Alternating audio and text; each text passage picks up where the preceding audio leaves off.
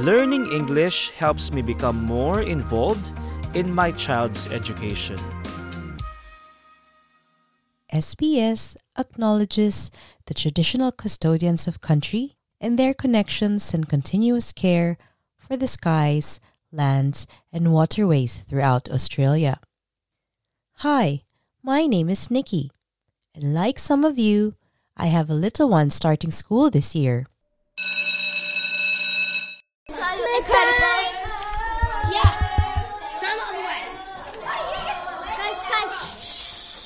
One of the most exciting and scariest things about school actually happens before it begins. It's the choosing. This was how it was for Claire and Alan. Let's listen in on their conversation about how they chose a new school for their children. Your daughter is starting school soon, right? How exciting! Which school did you enroll her in?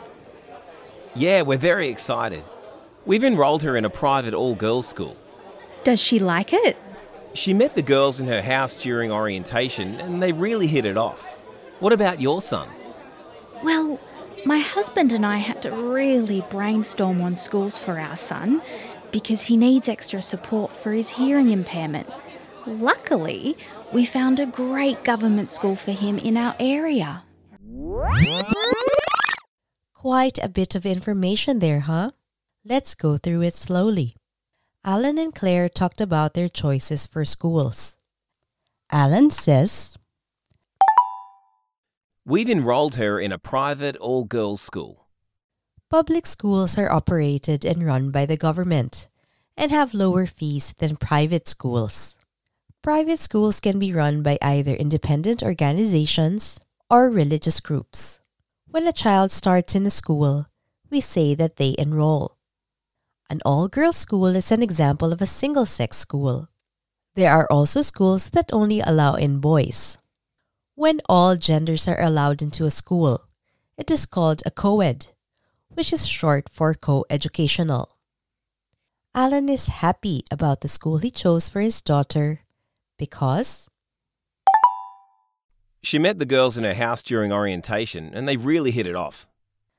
An orientation is an event in school where new students are invited to see their new school and are introduced to its culture and programs. Students are placed in groups called houses. Each house has members from across the different year levels. While Alan chose to send his daughter to private school, Claire decided on another type of school. She says, Well, my husband and I had to really brainstorm on schools for our son because he needs extra support for his hearing impairment. Luckily, we found a great government school for him in our area. To brainstorm means to be part of a discussion to come up with ideas and solutions. Claire's son needs extra support because of his hearing impairment. We say that someone has a hearing impairment if they can't hear very well or at all. There are also special schools and programs for children with high intellectual ability.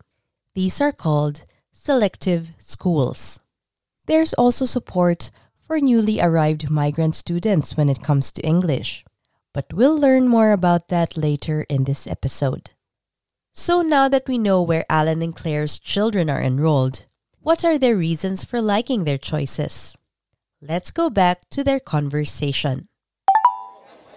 We like the fact that her school focuses on the well being of the kids, not just the grades. The facilities are great as well. For us, proximity is really important. We'll be able to walk to school instead of having to worry about driving. Those are great reasons for both. Let's hear them again. First, Alan says, We like the fact that her school focuses on the well being of the kids, not just on grades. Well being is the state of being happy, healthy, and or comfortable. Alan also says, The facilities are great. Facilities are the places and pieces of equipment that are in the school for the children to use, such as the playground or gym. Claire also shares what she likes about her son's school. For us, proximity is really important. Proximity here means how close the school is to where Claire lives. For some parents, it might be important to be involved in their child's school as well. In Australia, it is very common for parents to volunteer. That is, to help out in their child's school. Let's listen in on a conversation between Alan and Claire. Only this time, they are parents talking about volunteering in the canteen of their children's school. Hi Claire, do you have canteen duty today? Yes, I'm rostered today. Are you planning to volunteer as well? Yes, I just need to get my working with children check and then I can start. We learned that Claire is on canteen duty today. Do you remember the phrase she used to say that she is volunteering today? I'm rostered today. To be rostered means to have been given a particular time to work. Alan is also planning to volunteer and says, I just need to get my working with children check and I can start.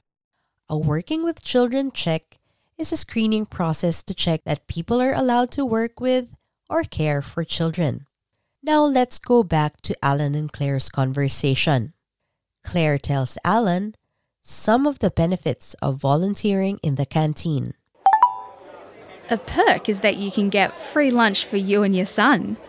But aside from that, you'll be able to keep an eye on your son when he thinks you're not around. True. Hope you can help me learn the ropes. Maybe volunteering for canteen duty is something you'd like to try because there are so many benefits like the ones Claire mentioned. A perk is that you can get free lunch for you and your son. A perk is a benefit or advantage. Free lunch is one of the perks of volunteering in the canteen. Sounds awesome! Another perk of volunteering is You'll be able to keep an eye on your son when he thinks you're not around. to keep an eye on someone means to watch someone closely or know what they are doing. Alan said, True. Hope you can help me learn the ropes. To learn the ropes means to learn how to do a particular job or task.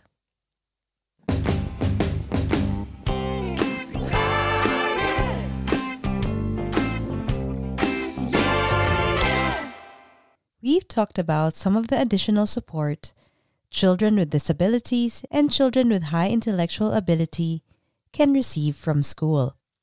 But what about support for newly arrived migrant students who want to improve their English skills?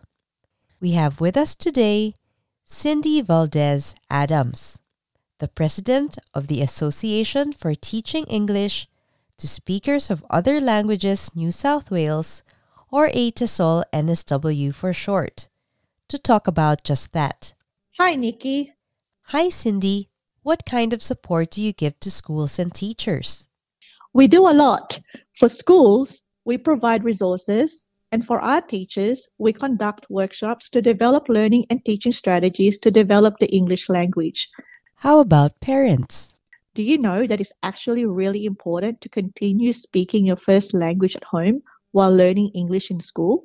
We found that those who are fluent or know their first language really well are able to learn and understand English more easily. So don't lose your first language. Not only is it important when it comes to learning English, it's important when it comes to maintaining your own identity. That's true.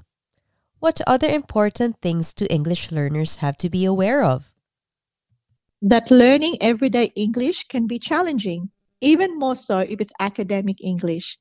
It can take up to five to seven years for migrant students to catch up with the English terms and phrases used in subjects like science or history. Learning can be challenging. but I encourage you to keep on going and be patient with yourself. You can do it. There is support in school to help you get better at English. You're not alone. That's great advice, Cindy. Can I ask another thing from you? Of course. Would you mind helping me practice the phrases and words we learned in this episode? I would love to. See if you can remember the meanings before hearing the answers. What does orientation mean?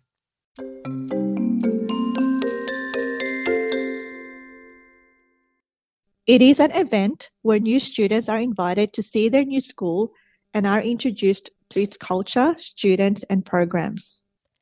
To learn the ropes means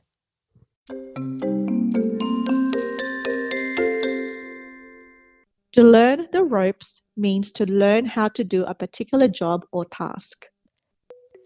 we heard different ways to talk about different types of schools. Let's practice with Alan and Claire.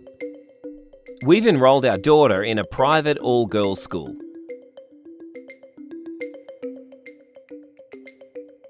She met the girls in her house during orientation and they really hit it off.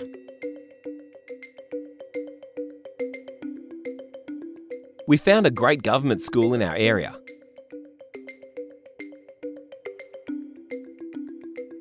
For us, proximity is important.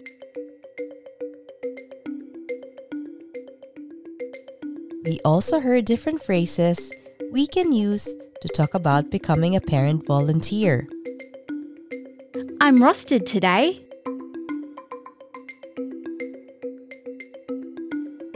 I just need to get my working with children check and then I can start.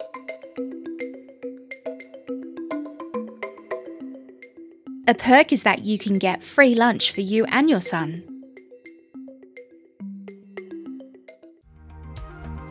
For learning notes and transcripts, visit the SBS Learn English website, where you can also find a quiz to test your listening and understanding skills. We are SBS Learn English. I'm your host, Nikki. Thank you for listening. This was the SBS Learn English podcast. Subscribe so you don't miss an episode, or reach out on Facebook. We are SBS Learn English.